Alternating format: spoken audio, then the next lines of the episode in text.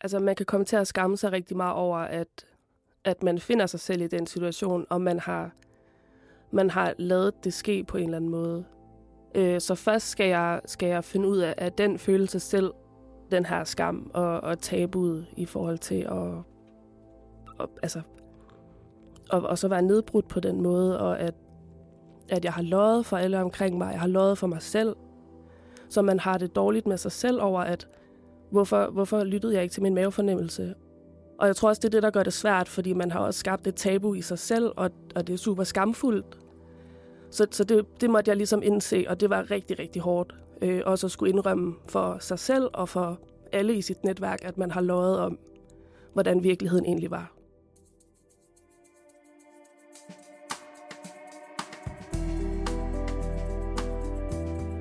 Velkommen til Volden og Skiller, en podcast, hvor vi taler om de allervigtigste spørgsmål, der er forbundet med at leve eller have levet et voldeligt forhold.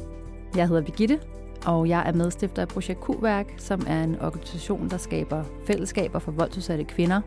Og med mig her i studiet i dag har jeg min medvært, psykoterapeut Telma, og sammen sætter vi spot på volden. Det gør vi selvfølgelig sammen med dem, det hele handler om, nemlig kvinderne selv, dem der har haft volden helt tæt på. I dag skal vi snakke om tabu. Hvorfor det kan være svært at tale om vold, selvom så mange kvinder bliver udsat for det hver evig eneste år. Og øh, vi skal snakke om, hvad tabuet betyder for den enkelte, øh, og hvordan tabuet mærkes. Og øh, det skal vi tale med dig om, Karoline, der er med i studiet i dag for at fortælle om dine oplevelser. Så velkommen til, Karoline. Tusind tak. Og Selma, rigtig hjertelig velkommen til dig også. Tak skal du have, Birgitte.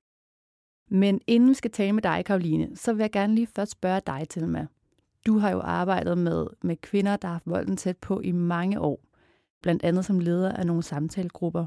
Hvad, øh, hvad siger de kvinder, du møder? Føler de, at der er et tabu omkring at have været udsat for vold?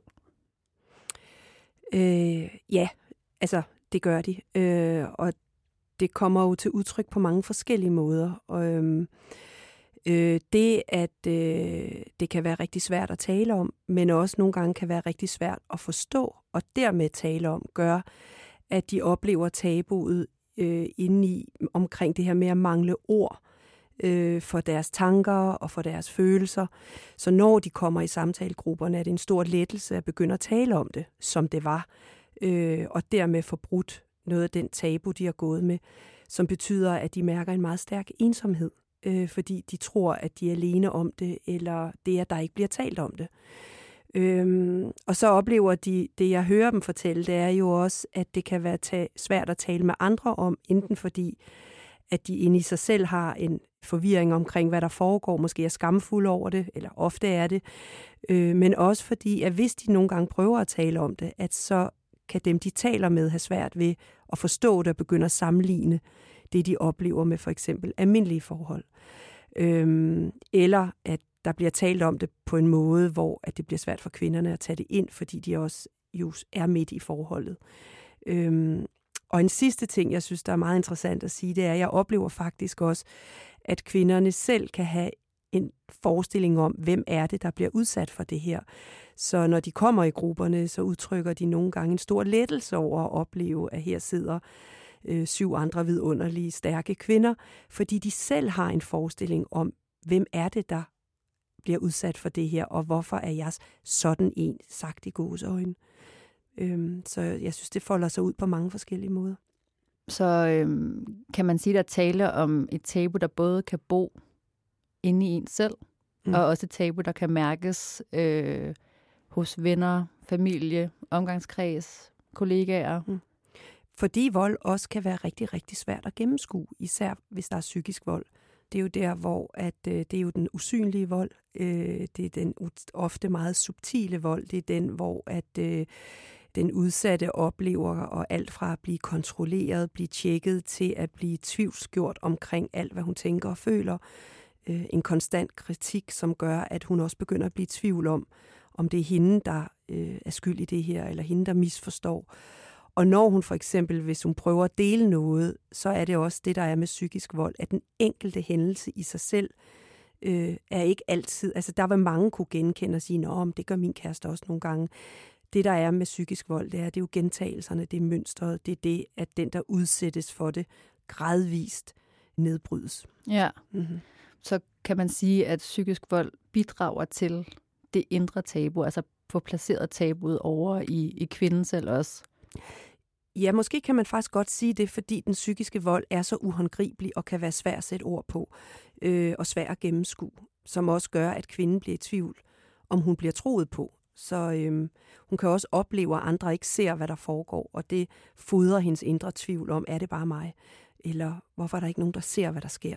Ja. Og det kan også, hun kan have en frygt for at i talesætte det, men måske også nogle gange have svært ved at vide, hvordan hun skal i talesætte det. Ja. Hvor at man sådan lidt klichéagtigt kan sige, at øh, en fysisk, altså et, øh, et blåt øje er tydeligt, ikke? Øh, så kan der også være en masse skam forbundet med det. Det er jo ikke for at sige, at det er nemt at tale om, hvis der er fysisk vold, men det er nogle gange lidt mere håndgribeligt. Ja. Og Karoline, du sidder her ved siden af og nikker. Mm. Øhm, jeg ved jo også, at, at det her med, med tabu er noget, du, du selv har oplevet på egen krop. Du har levet i et voldeligt forhold. Du har, du har sprunget ud som debattør også omkring det her øh, med at, at leve i vold, øh, også for at bidrage til at bryde med tabuet. Og det skal vi tale meget mere om lidt senere i programmet. Men her til at starte med vil jeg gerne høre, høre dig, hvornår finder du egentlig ud af, at, at din kæreste udsætter dig for vold? Jamen, altså, jeg, øh, jeg havde et arbejde, hvor jeg gik rundt på et lager og lyttede rigtig meget til podcasts. Og øh, der lyttede jeg til Mørkeland, hvor de havde besøg af en kvinde fra Danmark. Og hun kom og fortalte om de fem typer partnervold. Og jeg troede faktisk kun, der var en, altså den, der efterlader blå mærker.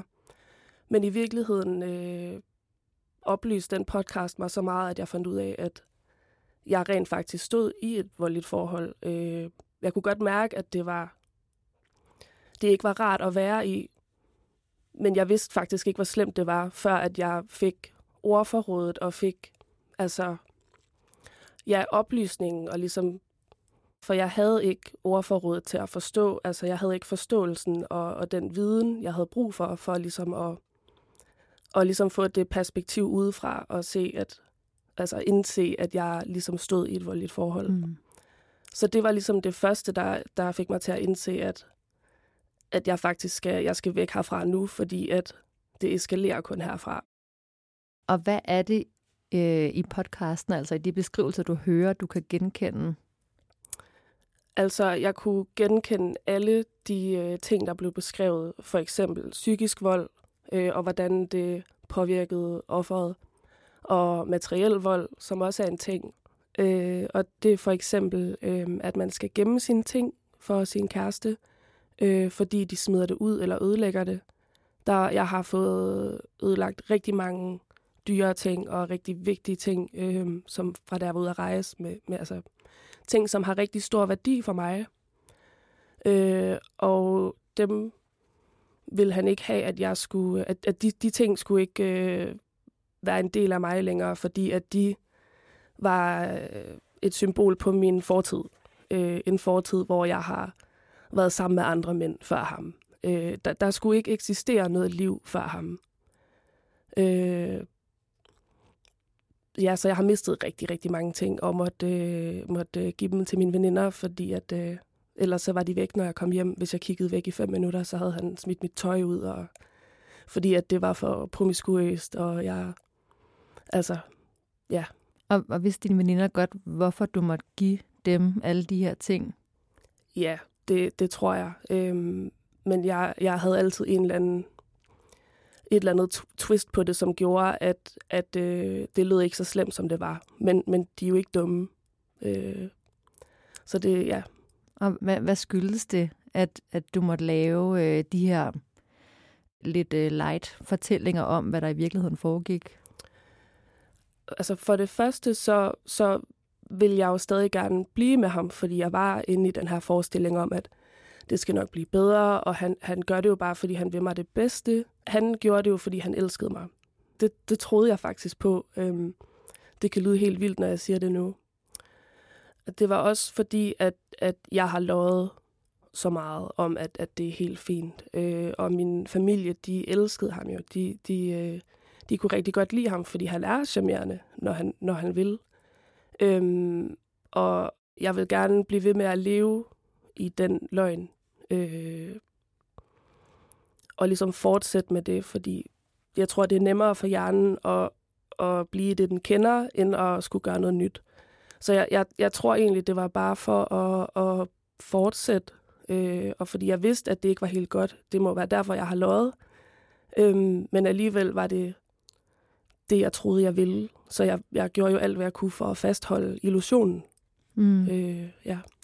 Du siger også det her med, øhm, at du måske også selv havde lyst til at leve lidt videre i løgnen. Mm. Jeg tror, at, at jeg kunne godt mærke, at det ikke var rart at eksistere i den relation.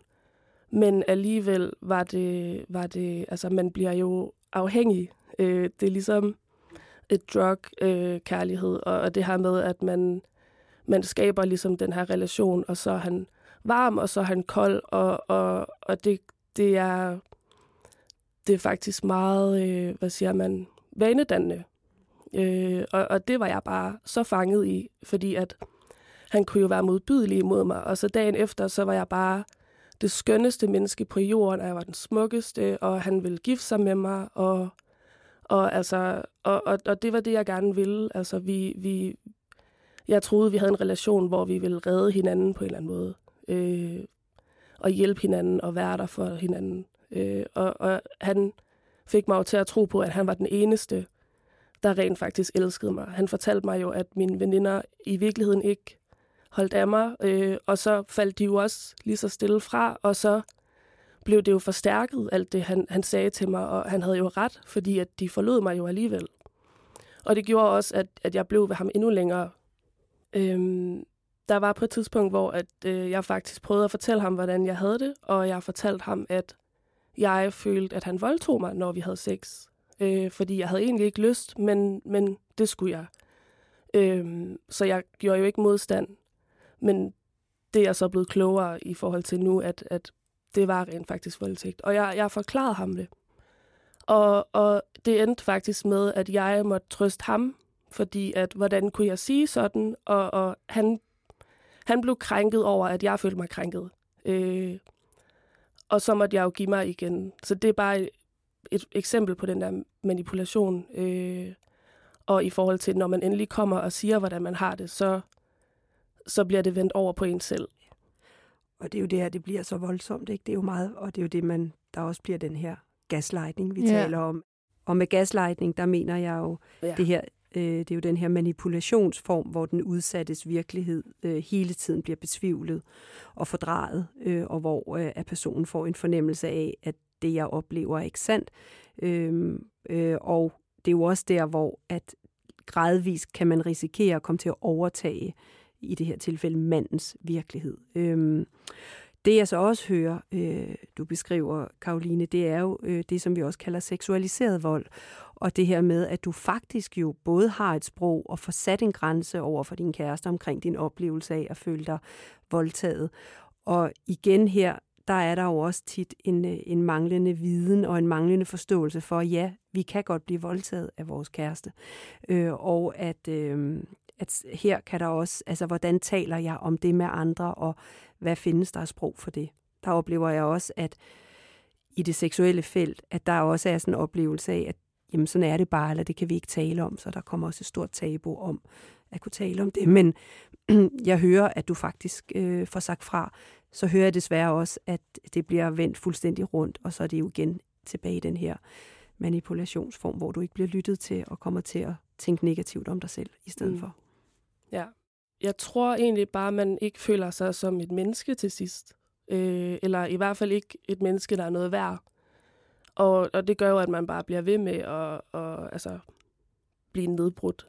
Øh, så det, det fortsatte jo bare nedad. Altså, øh, og hver gang jeg fortalte ham, hvordan jeg egentlig havde det, så blev det på en eller anden måde vendt rundt til, at det var i virkeligheden min egen skyld, og, og jeg har selv bedt om det, og øh, jeg blev jo kaldt luder dagligt øh, rigtig mange gange, og og, og til sidst så endte jeg med sådan at tro på det, at jamen, jeg er uren, jeg burde skamme mig over, øh, øh, min fortid, øh, og jeg skulle være en bedre kvinde for ham. Og det prøvede jeg virkelig på.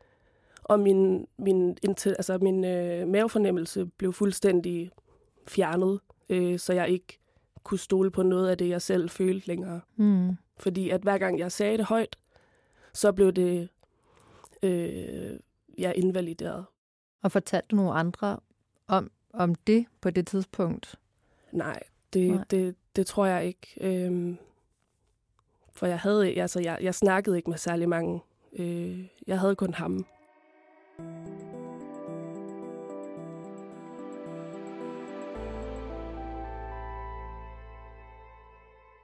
Karoline, jeg vil gerne vende tilbage til der, hvor du går på lageret, du er på arbejde, og du lytter til den her podcast, der handler om vold.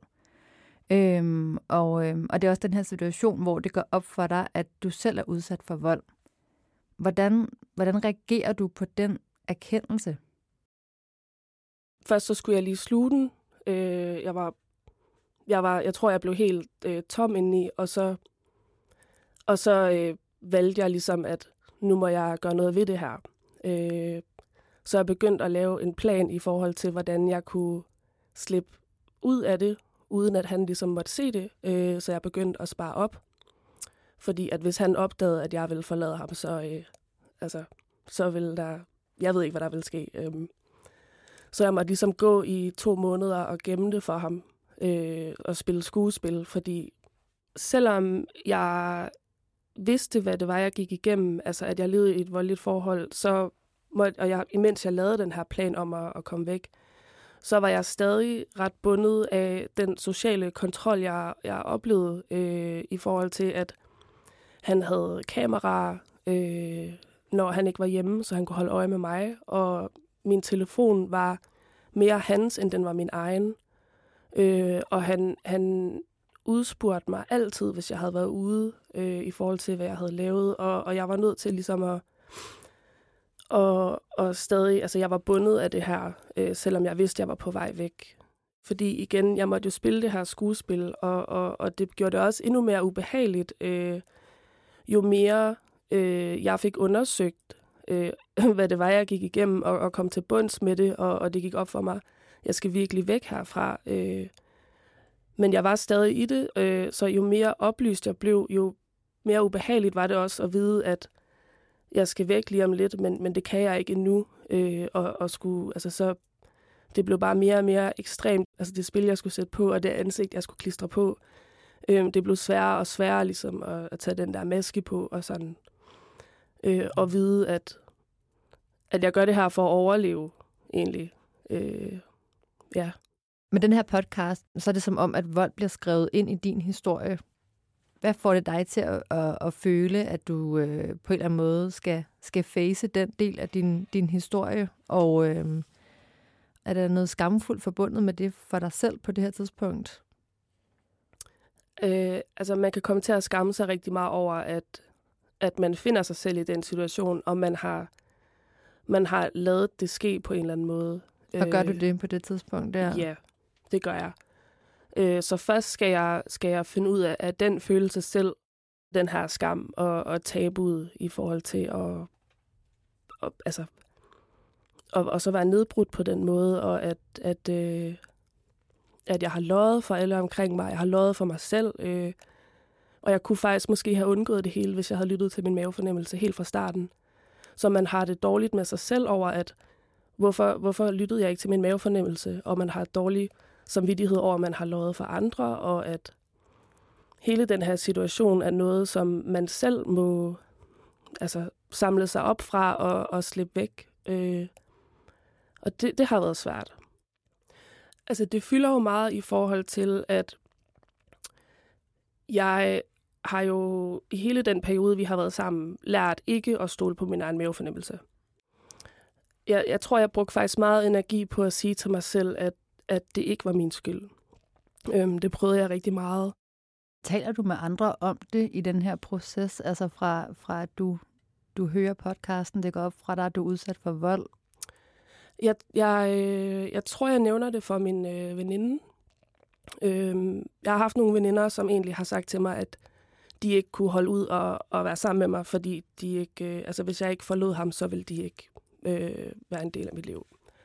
Og så har jeg haft en veninde, som har sagt, at vi kan godt øh, ses, men jeg vil ikke høre om ham. Men hende vidste jeg, at jeg kunne komme til, da det endelig gik op for mig, hvor slemt det var, og hun hjalp mig ligesom med at lave den her plan. Og, og, og derfor er jeg rigtig glad for, at jeg har haft en, som er blevet ved mig, øh, selvom det var svært for hende. Øh, så jeg snakkede med min veninde om det. Men jeg fortalte ikke min, min familie om det, fordi jeg havde jo selv løjet rigtig meget for dem og sagt, at alting var fint. Øhm, og jeg tror også, det er det, der gør det svært, fordi man har også skabt et tabu i sig selv, og, og det er super skamfuldt at, at, at vide, at, at jeg har måske sat mig selv i den her situation. Selvom at, at ja, altså det er hårdt at sige, men, men jeg vil ikke victim blame. Øh, det, det er så forkert, og jeg mener, at man skal ikke give offeret skylden. Jeg, jeg synes virkelig, man skal kigge på voldsudøveren og sige, hvorfor er det, du gør det, du gør.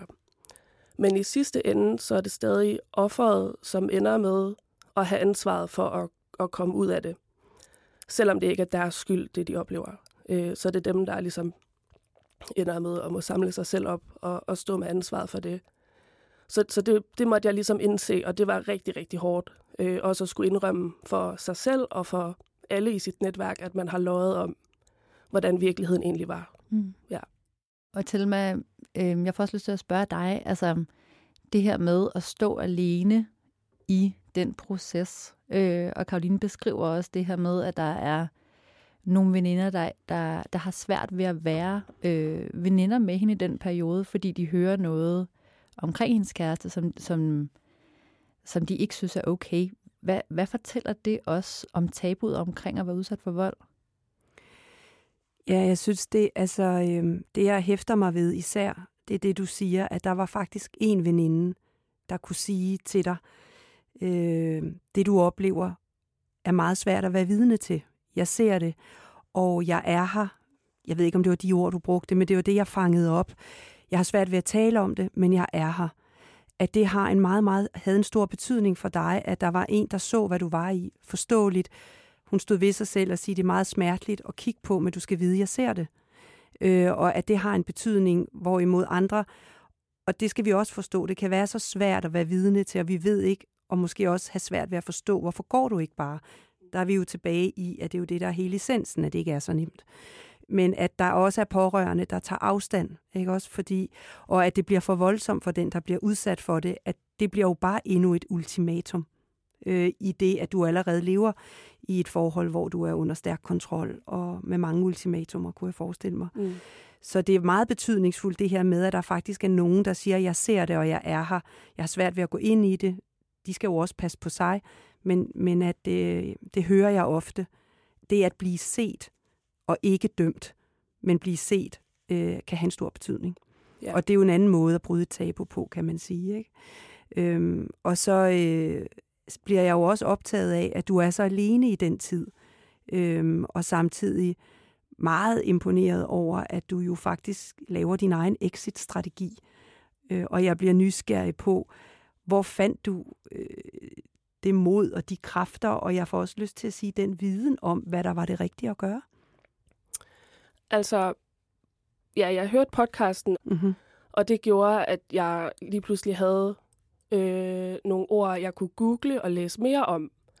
Og det gav mig virkelig ordforråd til at kunne sådan sige fra, og det hjalp mig ligesom til at, at indse, at, at øh, det er ikke min skyld, og, og det er faktisk, øh, altså, det er ham, der har et problem, og ikke mig. Fordi jeg er jo blevet hjernevasket til bare at lægge det hele over på mig, og hele mit liv handlede om hvordan jeg kunne gøre ham glad, øh, selvom at jeg blev totalt nedbrudt af det. Og så tror jeg bare, jeg er nået til et punkt, hvor at, at det, det, det kunne jeg ikke mere. Øh, og jeg vil gerne leve et andet liv. Og, og det havde jeg aldrig... Øh, jeg var aldrig kommet dertil, hvis jeg ikke havde vidst, hvad det egentlig var, jeg stod i. Altså. Du ender med at komme ud af det, Karoline, mm. efter nogen tids planlægning. Øhm, Hvornår begynder du at fortælle andre om, om det, du har været udsat for? Altså, øh, der var en dag, hvor jeg, øh, jeg tænkte, nu er det nu.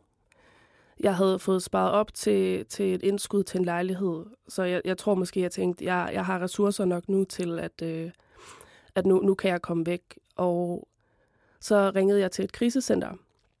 Og, og de sagde faktisk, at de, de ville tilbyde mig en plads med det samme og komme og hente mig. Men så spurgte manden i telefonen, om jeg øh, havde snakket med min mor. Og, og jeg havde faktisk ikke fortalt hende det. Øh, på det tidspunkt, der tænkte hun stadig, at, at vi havde det godt. Øh, jeg, jeg så hende meget sjældent. Jeg, jeg besøgte jo ikke nogen. Jeg var jo altid øh, hjemme ved ham, øh, eller ved os. Og, og han, han, han overtalte mig ligesom til at, at lige fortælle, hvordan det egentlig stod til. Øh, og, og da jeg så endelig ringede til altså min ham mor... fra krisecenteret Ja. overtaler, ja. Han, han, han sagde til mig, at måske skulle du lige snakke med din mor. Øh, for jeg troede ikke, at det var en mulighed for mig at, at bo ved hende. Øhm, men jeg var ærlig over for hende øh, den dag. Der, der fortalte jeg hende, at mor, jeg skal på krisecenter, og det står sådan og sådan til. Og hun sagde, du kan godt være ved mig. Øh, du kan godt komme hjem til mig. Selvfølgelig kan du det. Øh, og derfor endte jeg med at flytte hjem til hende. Øh, og så, altså stadig, øh, nu er det jo over et år siden, at vi er gået fra hinanden, men der er stadig nogle ting, jeg åbenbart ikke har fortalt, fordi øh, så fortalte jeg hende øh, for en måned siden om, hvad han, hvordan han egentlig havde øh, sagt og gjort, og, og troede mig, og, øh, og hun var sådan, hvad, det vidste jeg ikke. Så, så der, der kommer også flere og flere ting øh, tilbage, ligesom, for jeg har jo fortrængt meget. Øh, og så fortæller jeg om det, og, og det kommer sådan hen ad vejen. Mm. Øh, men jeg behøvede bare at fortælle min mor for eksempel, at jeg skulle på krisecenter, og så, og så tror jeg, hun forstod alvoren. Var det grænseoverskridende at skulle fortælle det til din mor? Og var der, var der noget, der gjorde, at du ikke havde fortalt det før egentlig? Altså det, det var jo øh, ekstremt pinligt, eller sådan at skulle ringe til sin mor og sige, jeg, øh, jeg bliver øh, misbrugt af min kæreste, øh, og jeg skal på krisecenter nu. Øh, det er jo mega surrealistisk at skulle lave det opkald, øh, så det var meget underligt. Og jeg tror også, hun var, var overrasket. Øh, Er, er det pinligt? Hvad tænker du om det nu? Det er ikke pinligt. Måske er, er ordet mere skamfuldt. For det var jo det, jeg følte. Og, og det var, ja, det var ligesom et tidspunkt, hvor jeg skulle se noget i øjnene, øh, og ligesom gøre noget ved det. Øh, og, og, og skulle også altså, invitere en helt ny fremtid ind i mit liv, hvor jeg ikke vidste, øh, hvad skal der ske lige nu. Altså, jeg sagde jo farvel til alt, jeg havde. Han var jo ligesom han var jo min bedste ven, altså troede jeg, han var ikke en særlig god øh, relation, men han, han var stadig hele min verden. Jeg havde jo bygget hele min personlighed og min verden op efter ham. Og det var også vildt hårdt efterfølgende, fordi han, han ville jo tro med at begå selvmord, og, og jeg skulle faktisk forklare min mor, hvorfor jeg skulle blive ved med at, at, at holde ham blokeret. Øh, fordi hun, hun synes, det var synd for ham. Øh, hvorfor, altså hun kunne ikke forstå, hvorfor jeg ikke hjalp ham. Og, og det var også svært, fordi så skal jeg både, altså, jeg har jo lyst til at være der for ham.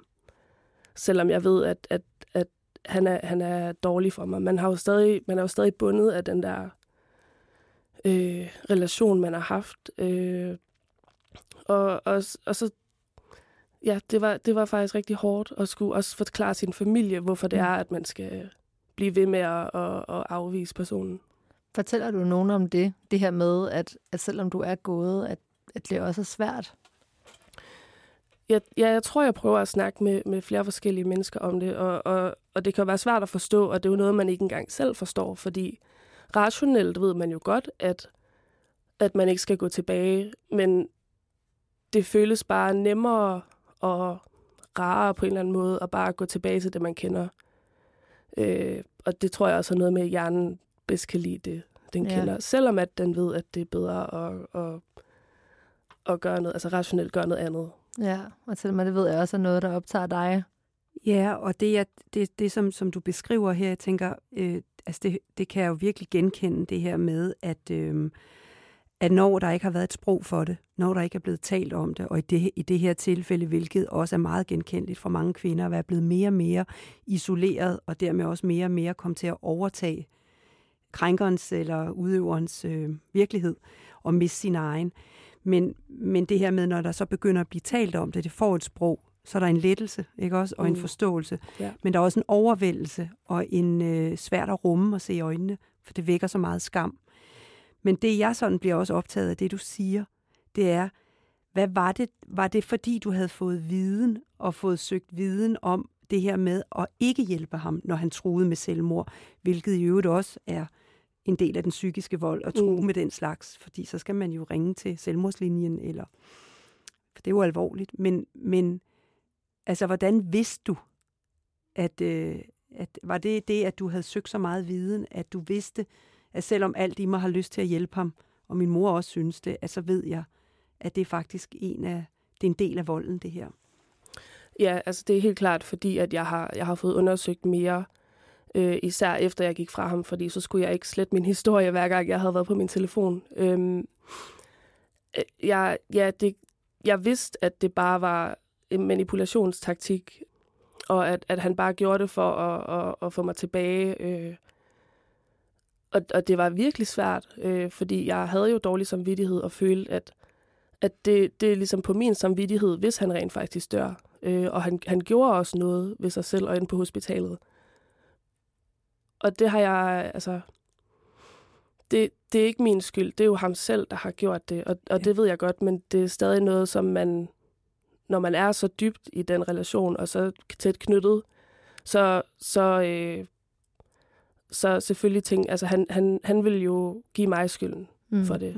Mm. Øh, og der var rigtig lang tid, hvor man veksler mellem at, at føle, at alting er ens skyld, fordi det er det, man har lært, og jeg har selv bedt om det hele, det har jeg jo fået at vide øh, mange gange af, af både min eks og bekendte, som ikke helt forstår øh, dynamikken i sådan et forhold. Øh.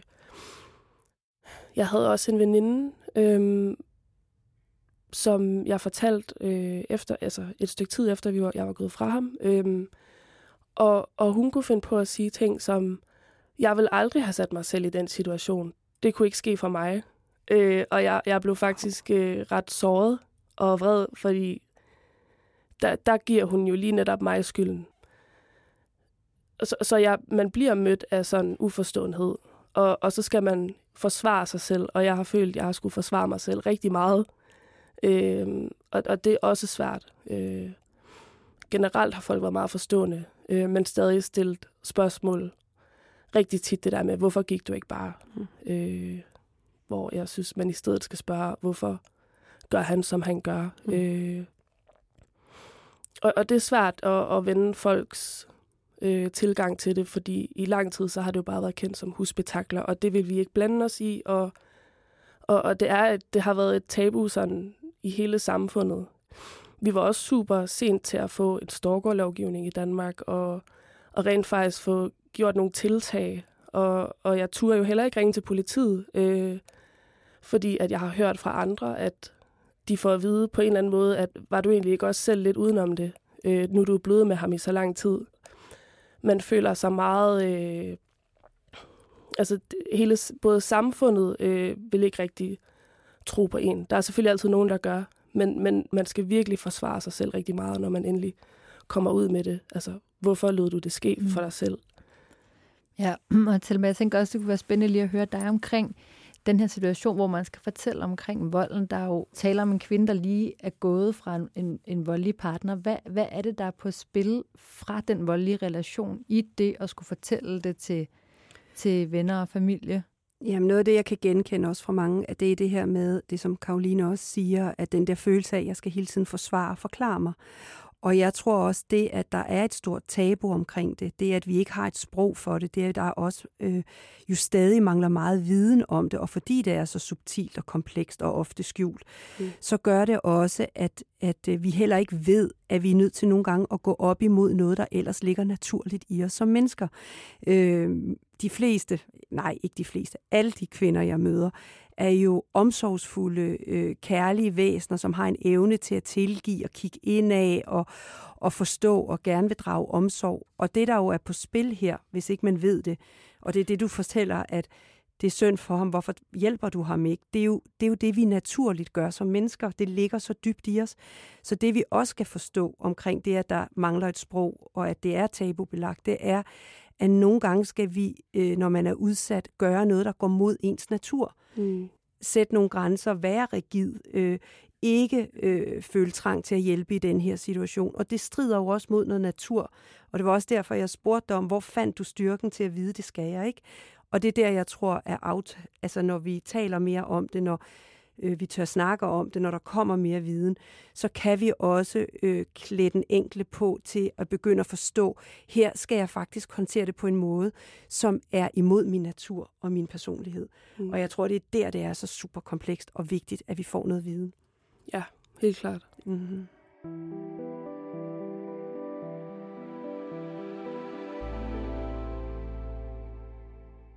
Karoline, i forbindelse med, at du øh, forlader din kæreste, der fortæller du også resten af din familie, hvad det er, der er foregået. Øhm, og der, øh, der bryder du på en eller anden måde med, øh, med både din egen tavshed, men, men også med tabuet. Hvad betyder det for, hvordan du kommer videre? Det har gjort rigtig meget, og det er igen fordi, at jeg endelig fortæller det højt og er ærlig omkring, hvordan virkeligheden egentlig ser ud. Og så skal jeg jo til at, at, at finde ud af, hvad vil jeg nu? Øh, hvem er jeg egentlig? Øh, jeg føler, at jeg har fået en ny chance for ligesom at lære mig selv at kende, øh, og blive venner med min mavefornemmelse, og, og hvad er det egentlig, jeg gerne vil. Og, og det er ligesom den nye virkelighed, jeg står i nu. Øh, og jeg har valgt at bruge mine oplevelser og mine traumer til noget. Altså, jeg har vendt det til en enorm styrke og, og ligesom,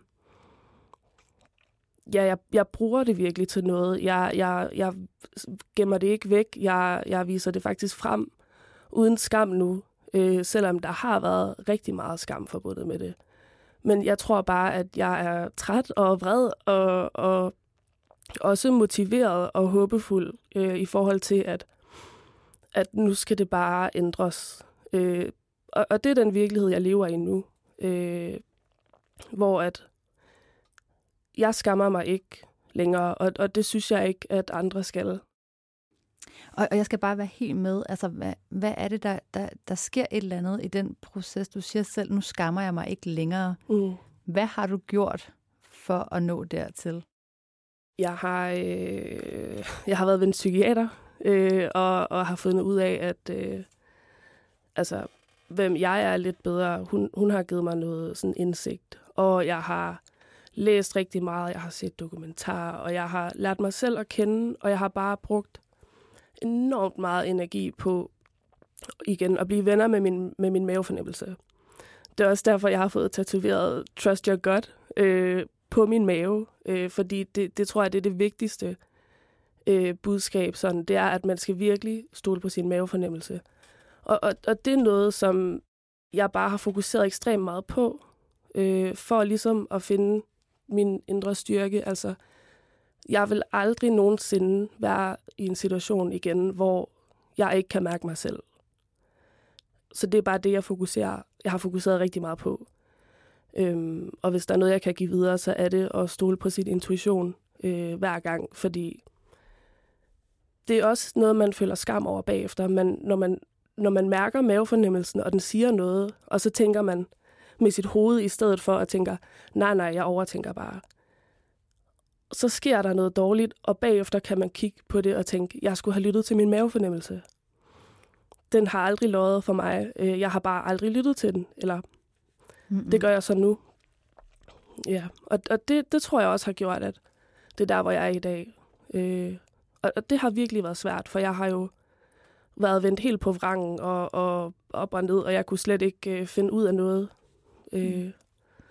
det har også taget mig rigtig lang tid at nå til det punkt, hvor jeg er nu. Kan, kan man sige noget om, at det der med trust your gut, mm. er det det modsatte af at tro på tabuet, eller hvad? Og det, det er komplekst, synes jeg. Ja. Øh, Det kan være, at Thelma, hun... Øh... Altså, øh, det du siger med mavefornemmelsen, ikke? Øh, det kan jeg bare rigtig godt genkende fra, øh, fra de kvinder, jeg taler med i grupperne, om at stort set alle kvinder havde en mavefornemmelse og mærkede den.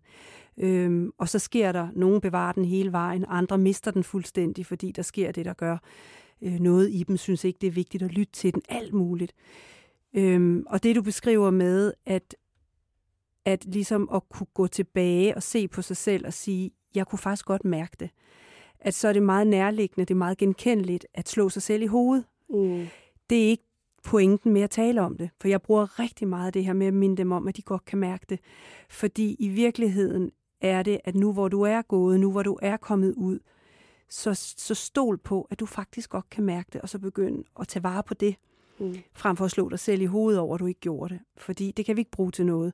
Men det vi kan bruge, det er, at jeg har faktisk en god fornemmelse. Mm. Og det jeg kan arbejde på, det er at begynde at stole på den. Og der kommer jeg til at tænke på, når du fortæller din historie, at du hører en podcast, og så hører jeg altså en indre styrke, der ligger helt af sig selv i en exitplan, ved intuitivt, hvad er det, der skal til her. Altså, der er noget visdom inde i dig, der, der begynder at, at agere og handle. Øhm, og der tænker jeg på, om det er her, at tabuet, øh, det at vi bryder tabuet, at vi får et sprog, at vi taler om det, at viden bliver tilgængelig, at vi tør snakke om det, mm. kan være med til at øh, hjælpe flere til hurtigere at stole på det, de mærker, eller læne sig ind i det, velvidende, at, at der, det også kan være en proces at mm. turde tage det skridt, som du beskriver. Det er jo bare for et år siden, at du faktisk bryder ud af, den her voldelige relation. Og øh, du beskriver selv, at du lige efter jeres brud først faktisk bare skal lære at sætte den ene fod før den anden. Øhm, men så sker der et eller andet i takt med, at du, du begynder at, at tænke frem øhm, så begynder du også at have en, en øhm, som du selv beskriver det, en enorm energi i at vil bryde med det her tabu. Og en del af den her proces, det er at skrive et debatindlæg i en, øh, i en lokalavis, hvor du taler højt om, om dine egne oplevelser, og øhm, mm. det får en del opmærksomhed, blandt andet deler Danner det på deres Facebook-side, og det får næsten 300 likes og en hel masse kommentarer i den her proces, hvor du jo står frem med eget navn, men også med, med eget ansigt på, på debatindlægget, er der noget, der er svært i den forbindelse? Altså, det er ret vildt at, at, øh, altså at sende et debatindlæg ind til en avis, bare til at starte med. Øh, det, det er sådan, her er jeg med min mening. Øh, og så er det oven i købet noget meget, meget personligt. Men jeg følte bare, at, at det var det rigtige, øh, også for min helingsproces og, og i forhold til at, at få min historie ud. Og, og det har også været det, der har hjulpet mig bedst, det er rent faktisk at sige det højt, øh, fordi ellers så kan folk ikke vide, hvad det er, der foregår. Øh, det er ikke noget, nogen kan tage fra mig øh, eller benægte. Og, og igen har det også betydet rigtig meget for mig, at det er blevet anerkendt på den måde, det er. Jeg har, jeg har ikke hørt noget dårligt for det endnu. Øh, jeg har faktisk kun fået ros og, og støtte og ligesom mærket øh, kærligheden fra, fra folk. Så det, det har været mega motiverende, og det har også gjort, at, at jeg ikke er så bange længere for at føle mig øh, misforstået, fordi altså nu, nu ved jeg, at det er derude, og det er anerkendt, og fået fortalt min historie, og ligesom fået den valideret, altså sådan, at det, jeg har gået igennem, det, det er ægte, og, og det er det er virkeligheden. Og jeg har ligesom taget det i mine egne hænder. Det, det har betydet meget. Og, og, og det har bare skabt så meget motivation i mig for at fortsætte med ligesom at bryde tabuet og, og blive ved med at snakke om det og sørge for, at, at andre får sproget til at snakke om det, øh, så, vi kan, så vi alle sammen kan hjælpe hinanden. Øh, fordi jeg tænker, at alle kender mindst en, der har været udsat for det her. Øh, og, og, og de får bare lov til at, at leve med det sådan i skyggen, i stedet for at stå frem. Så det vil jeg gerne være et eksempel på, altså, mm. at det ikke er et tabu. Det er faktisk, øh, det sker rigtig meget, øh, og, og der er ikke noget, det burde ikke være så skamfuldt at snakke om det. Selvom jeg godt forstår, at, at det er hårdt. Mm. Øhm, men jeg tror også, at for mig, at jeg har arbejdet så meget med det, at det er ikke et tabu for mig længere. Det er faktisk øh, noget, som, jeg vil ikke sige, at jeg er stolt, men, men det er noget, som jeg, jeg ligesom kan, kan snakke om, øh, uden, at, uden at føle skam. Især hvis det er med, med mennesker, som, som prøver at sætte sig ind i det. Det er måske lidt sværere med folk, som, som er ret ignorante og bare siger, hvorfor, hvorfor finder du dig i det? Øh, øh, det? Det vil gøre det sværere for mig. Men så vil jeg have ordforrådet til at kunne forklare, hvorfor. Øh, og det er det, der, der er ret vigtigt. Så det er som om, at, at du har haft mærket et tabu, mm. både øh, under forholdet og også efterfølgende, men at dit eget tabu omkring det er ved at være væk. Ja. Altså, jeg står ved min historie. Ja. Og det, og det er vigtigt for mig at få den fortalt. Øh, Mm. Jeg kunne da også have lyst til at sige, at stolthed er det også. Altså det at stå ved det, at være stolt over, at jeg har turet, hvad skal man sige, øh, se det i øjnene og, og mm. bryde et tabu. Det er, der, det er der også grund til at være stolt over, vil jeg da mene. Jo, jeg er rigtig stolt over, at, at jeg er kommet så langt, men jeg føler bare kun lige, at vi startede, fordi mm. der er bare så lang vej endnu, før at det, øh, det, det er jo stadig et tabu, kan, kan man mærke. Og, og det er også derfor, vi laver den her podcast. Og det er så vigtigt at, at få det snakket om, sådan at vi kan bryde det her tabu. Vi er i hvert fald rigtig glade for, Karoline, at du vil komme her i dag. Men inden jeg slipper dig helt, vil jeg lige spørge dig, hvis du nu skulle give dig selv et råd, da du stod i volden, øhm, og du, du mærker det her tabu, kan du give et konkret råd til Karoline, der står og oplever alt det her? Åh, oh, det er svært. Øhm, altså igen, stol på din mavefornemmelse og stå ved dine grænser. Øh, det kan godt være, at man, man ikke rigtig kender sine grænser, fordi de er blevet øh, brudt så meget. Men man kan altid mærke det, selvom man ikke har lyst. Stol på din mavefornemmelse. Det, det er virkelig vigtigt, og, og det er det, der jeg har lært mest af. Altså, og det er det, der har, har bragt mig til, til der, hvor jeg er i dag. Mm. Trust your gut. Ja, yeah, trust your gut. Ja. Også et råd til pårørende er at blive ved den person. Ikke nødvendigvis at blande sig for meget ved at provokere voldsudøveren. Men vis, at du er der på en subtil måde, så man stadig holder offeret sikkert. Men bare, at de ved, at de ikke står alene. Det gør så meget, øh, at man ved, at når man er klar, så har man et sted at gå til. Det, det gør en kæmpe forskel.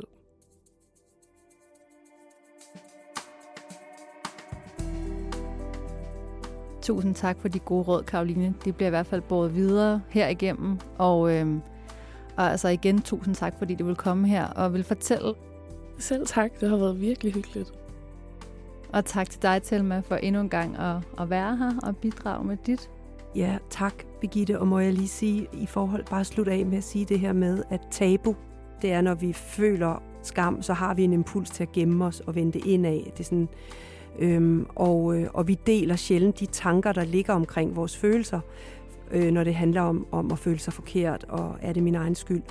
Øh, så vi bliver enormt ensomme.